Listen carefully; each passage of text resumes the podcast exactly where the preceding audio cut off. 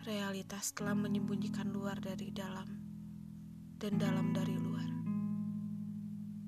Lalu pohon-pohon kau letakkan begitu saja dalam kotak-kotak kaca, agar mereka percaya bahwa mereka tetap berada di luar juga aman di dalam. Dan tanda gembur itu menjulurkan lidah. Percaya bahwa hujan yang terhalang atap akan jatuh pada mereka satu hari kelak dan daun-daun tetap menyembunyikan ulat di ketiak mereka. Ketika sinar terbang lagi sebelum petang.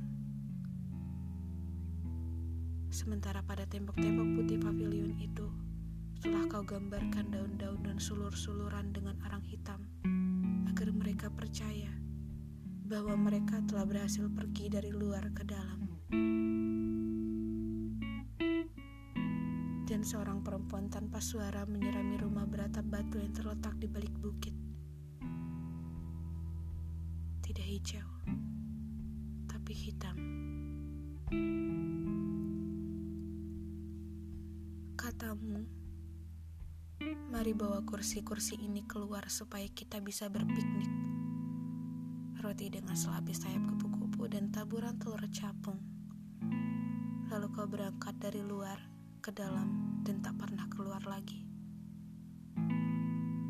Bertahun-tahun kemudian, tepat di tengah pavilion itu, kutemukan sepokok pohon dengan raut wajahmu.